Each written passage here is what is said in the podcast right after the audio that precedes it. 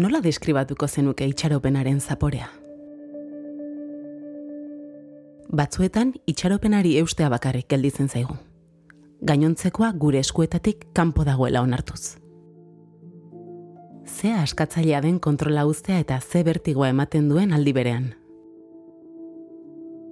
Batzuetan itxaropena izatea arriskutsua izan daiteke. Bere izpiekin itxutu gaitezke eta fantasia munduan galdu. Gauzak gure erara ikusiz eta ez berez diren bezala. Nik ez dut itxaropena bere alaxe galtzen. Tematia naiz berarekin, eta eginalak egiten ditut, egunero itxaropen izpiren bat presente izateko.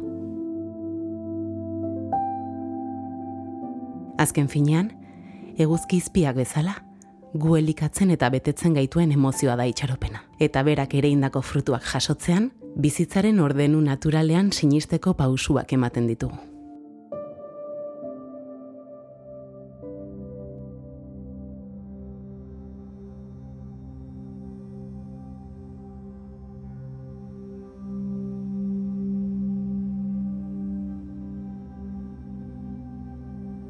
Naomi Mendizabal naiz eta hau urratsa da. Ongizaterako eta norbanakoaren azkuntzarako podcasta.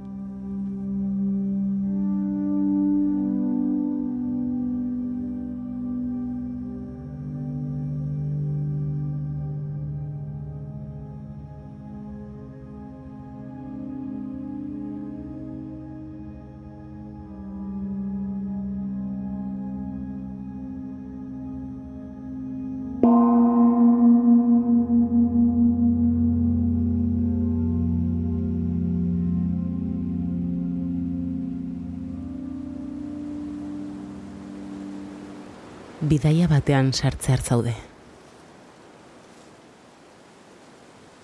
Bidaia honetarako ez duzu maleta ez pasaporterik behar.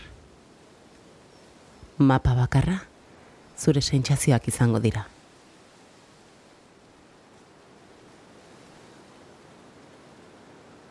Hauek erakutsiko baitizute bidea eta zuk erabakiko baituzu noraino iritsi nahi duzun.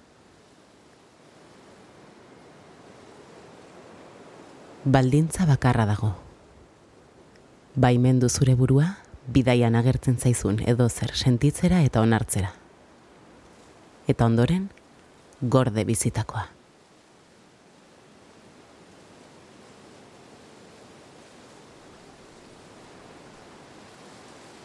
Pentsamendu, emozio, sentipen bakoitza, eskerronez agurtu eta jarraitu aurrera. Bidaiari hasiera emateko itzal ingurua eta itxi begiak.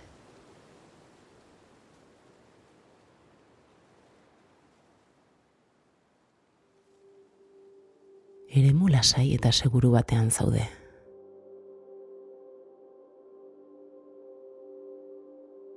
Zure gorputza modu erosoan etzan, edo eseri besaulki edo oean. Eta datozen minutuetan, zure begiak lasai itxita utzi.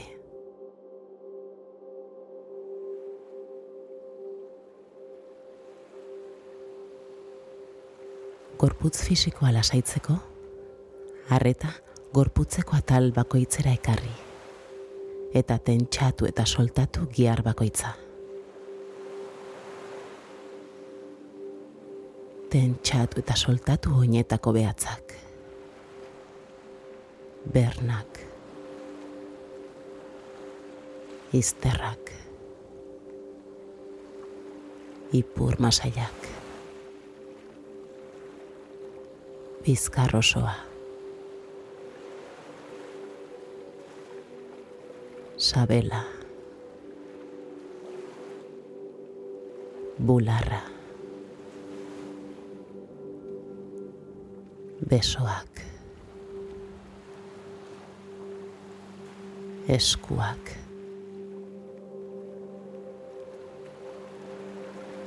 Eta eskutako atzak. Sorbaldak. Lepoa. aurpegiko giar bakoitza. Matraia. Espainiak. Aho sabaia. Mingaina. Masaiak. Sudurra. Begiak.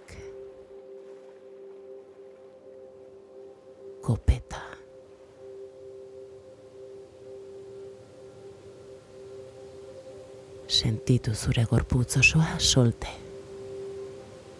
Tentsiorik gabe. Eta errepikatu beharra bat aldiz, tentsio eta erlaxazio osoa.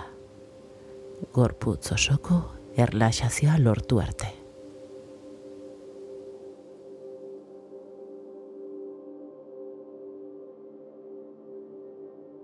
Orain, zure gorputza guzti zeroso eta lasai sentitzen duzula, utzi zure arnasketa ere lasaitzen.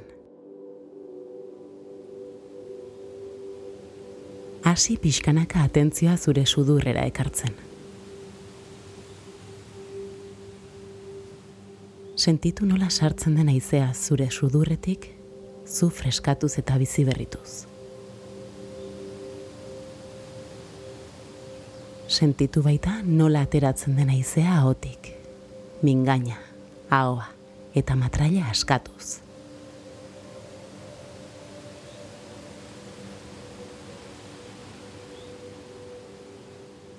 Sentitu nola oksigenatzen duzun gorputzeko atal bakoitza arnasa hartzen duzunean. Eta nola botatzen dituzun tentsio denak arnasa askatzean. hartu zure denbora, irudia usortzeko zure buruan.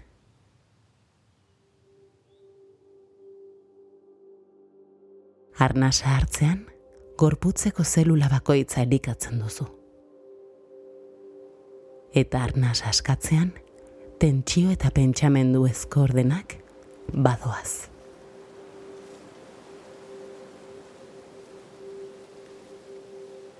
Sentitu arnasketa bi koloretan. Arna sartzean, kolore txuria sartzen da zure gorputzean. Eta arna sabotatzean, kolore iluna ateratzen da zure gorputzetik. Piskanaka, piskanaka, zure gorputza kolore txuriz betetzen doa. arnasketa bakoitzarekin, txuria, argia, gailenduz.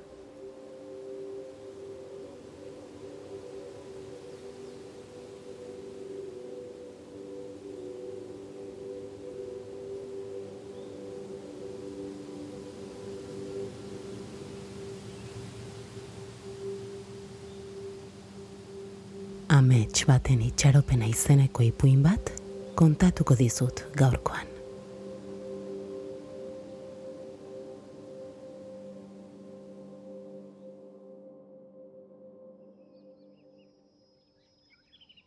Bazen behin, eguzki izpien norabidean oina zijoan zizare bat.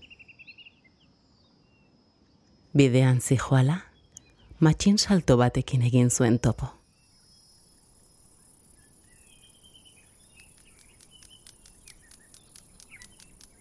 Honek, ea norazi joan galdetu zion. Eta zizareak bere ritmoa mantxotu gabe, Bart amets bat izan zuela, eta menditon torretik aran guztia ikusi zuela esan zion. Irudia horren beste gustatu zitzaionez, bere ametsa egia bihurtzera zijoala esan ez bukatu zuen. Matxin saltoak, oso harrituta. Ideia zoroa zela esan zion. Oso urrun zegoela mendia, eta zizare arrunt batentzako ezinezkoa zela araño iristea.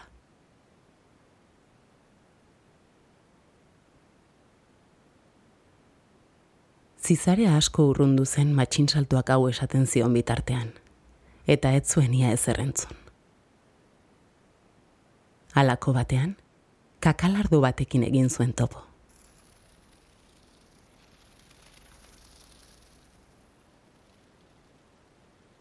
Honek ere, galdera berdina egin zion.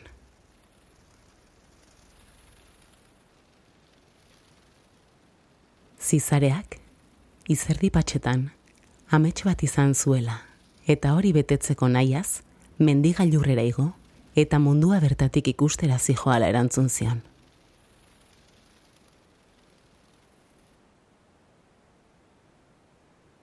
Kakalardoak, barrez lertzen, ezinezkotzat eman zuen amets hori betetzea. Hanka handiagoak izan da ere, etzela usartuko horren bide luze eta zaila egitera, esan zion. Lurretik barrezka gelditu zen, zizareak bere bidea jarraitzen zuen bitartean.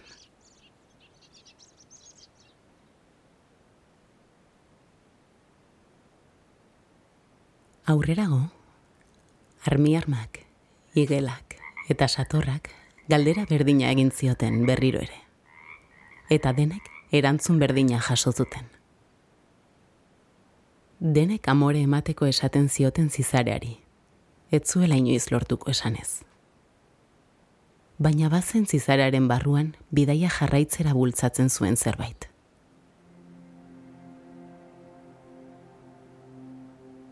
Neka-neka eginda, indarrik gabe, geldialdi bat egitea erabaki zuen pixka bat deskantsatzeko.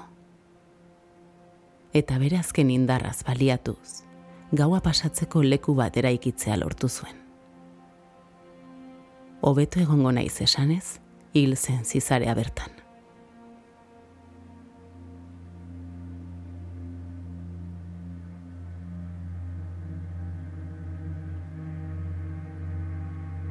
Inguruko animalia eta intsektu denak joan ziren urrengo egunetan zizararen ondarrak ikustera. Izugarrizko hilobia eraiki zuen. Bera metxa bezain indartsua zena.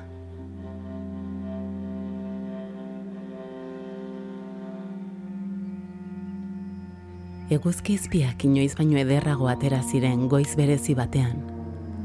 Animalia guztiak zizararen hilobiaren inguruan zeuden eta bapatean zur eta lur gelditu ziren.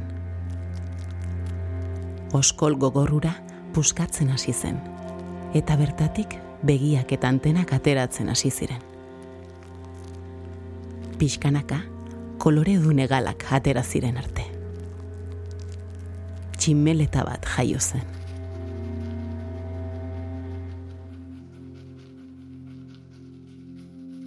Inorketzuen ez zer esan, denak ondo baitzekiten zer egingo zuen tximeletak. Mendi tontorreraino egan joan eta bere ametsa bete. Amets hori betetzeko hil eta jaio baitzen berriz izarea.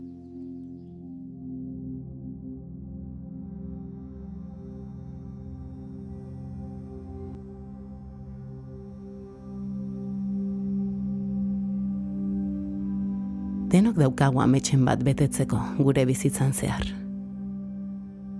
Saiatu gaitezen hau betetzen, esfortzu eta ilusioa jarriz. Pentsamendu ezkorrei jaramonik egin gabe. Bertara iritsi ezin dugula konturatzen bagara, egin dezagun geldialdi bat bidean, aldatu dezagun agian zerbait gugan, eta horrela, agian, beste aukera batzuekin, lortuko dugu gure ametsa egi bihurtzea.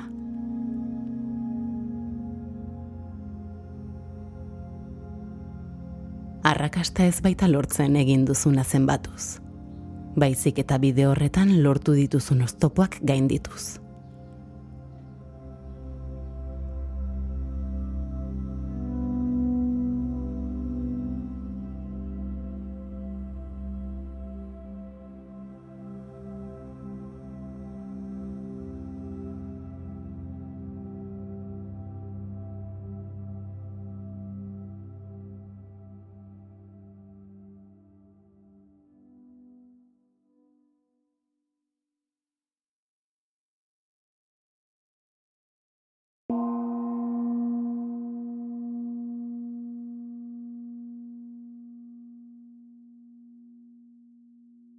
Naomi mendizabal naiz eta urratsa izan da. Pausos pauso zure osotasuna berreskuratzeko bidea egiten lagunduko dizun saioa. Aste honetakoa emeretzi garen alea izan da, eta gainerako guztiak EITB podcasten eta audio plataformetan dituzu entzun gai. Zain duzu eta zure ingurukoak. Ei, txt, entzun hori. Ulu Media.